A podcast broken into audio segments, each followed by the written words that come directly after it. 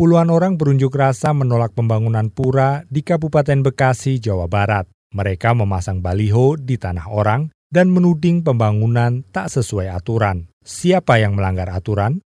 Benarkah demikian? Kita simak bersama Fitri Anggreni. Dan diharapkan pula untuk pemerintah daerah Kabupaten Bekasi, bangunan pura itu jangan sampai dilanjutkan dan dihentikan karena dibangunnya dalam lingkungan kaum muslim dan muslimin yang mayoritas agama Islam.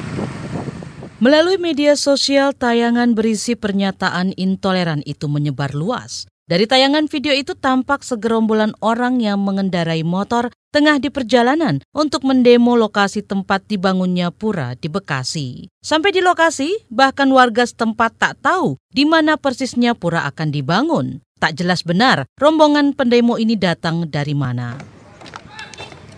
Pak misi Pak. Ah, iya. Nah, dengan Pak apa Pak? Pak Sandim. Pak Salim. Sandim. Ah, Pak Sandim. Iya. Ah, iya Pak, ini mau, na- mau nanya-nanya nih Pak ya. Nah, kata rencana mau bangunan ah, pura di mana Pak? Waduh, saya nggak tahu. Bapak nggak tahu? Tahu ada di sono bangun tapi rencananya. Oh rencananya? Oh, iya. Bapak juga belum tahu ya? Belum tahu. Oh iya iya iya. Tapi segerombolan orang ini menolak jika mereka disebut intoleran. Salah satu pemimpin demo penolakan, Akbar Kamal mengatakan, aksi terjadi karena rencana pembangunan tersebut tak transparan, mencurangi warga dan tak didahului dialog dengan masyarakat dan tokoh sekitar. Ya itu nanti kan yang memfasilitasi negara. Artinya pemerintahan daerah, pemerintahan setempat baik kecamatan maupun desa, mbak. Kalau bukan pemerintah, saya dia juga nggak mau.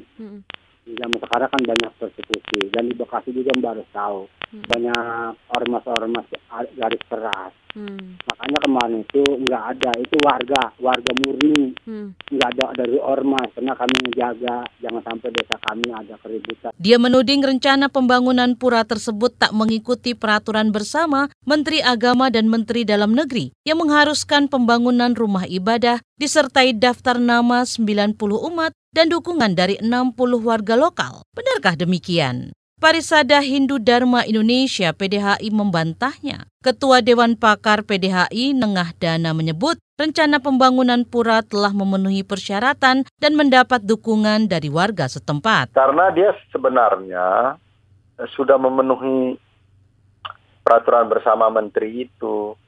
Karena di Kabupaten Bekasi, Kabupaten Bekasi belum ada sat- satu pun belum ada pura, padahal umatnya kan ribuan.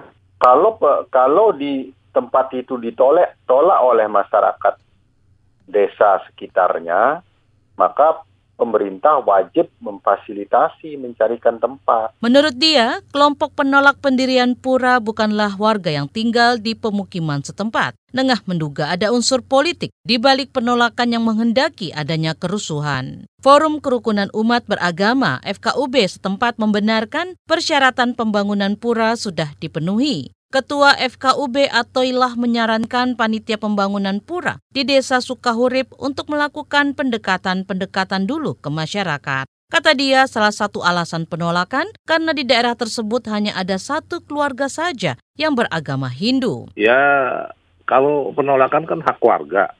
Gitu.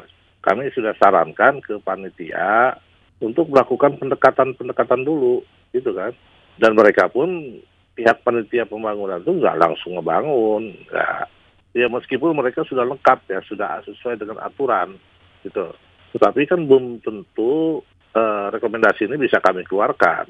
Kita lihat situasi dan kondisi di masyarakat, gitu. Organisasi Hak Asasi Manusia Amnesty International Indonesia menyesalkan aksi intoleransi penolakan pembangunan pura. Juru bicara Amnesty International Indonesia Hairil Halim mengatakan komunitas Hindu yang berencana mendirikan pura sudah memenuhi seluruh syarat pendirian rumah ibadah seperti yang tertera dalam peraturan bersama Menteri PBM, Menteri Agama dan Menteri Dalam Negeri nomor 9 tahun 2006. menambah daftar panjang rangkaian intoleransi di Indonesia dengan adanya penolakan pendirian pura tersebut. Karena kalau dari informasi yang Amnesty International kumpulkan itu, pihak yang mengajukan pembangunan pura sebenarnya sudah memenuhi syarat sesuai yang ditetapkan dalam SKB 2 Menteri. syarat 90 dan 60 itu sudah terpenuhi. Juru bicara Amnesty Hairil Halim menambahkan, ribuan umat Hindu Kabupaten Bekasi harus menempuh puluhan kilometer hingga ke kota Bekasi untuk beribadah di pura terdekat. Kata dia, jika pura berhasil dibangun akan menjadi simbol kerukunan umat beragama. Demikian laporan yang disusun Roni Sitanggang. Saya Fitri Anggreni.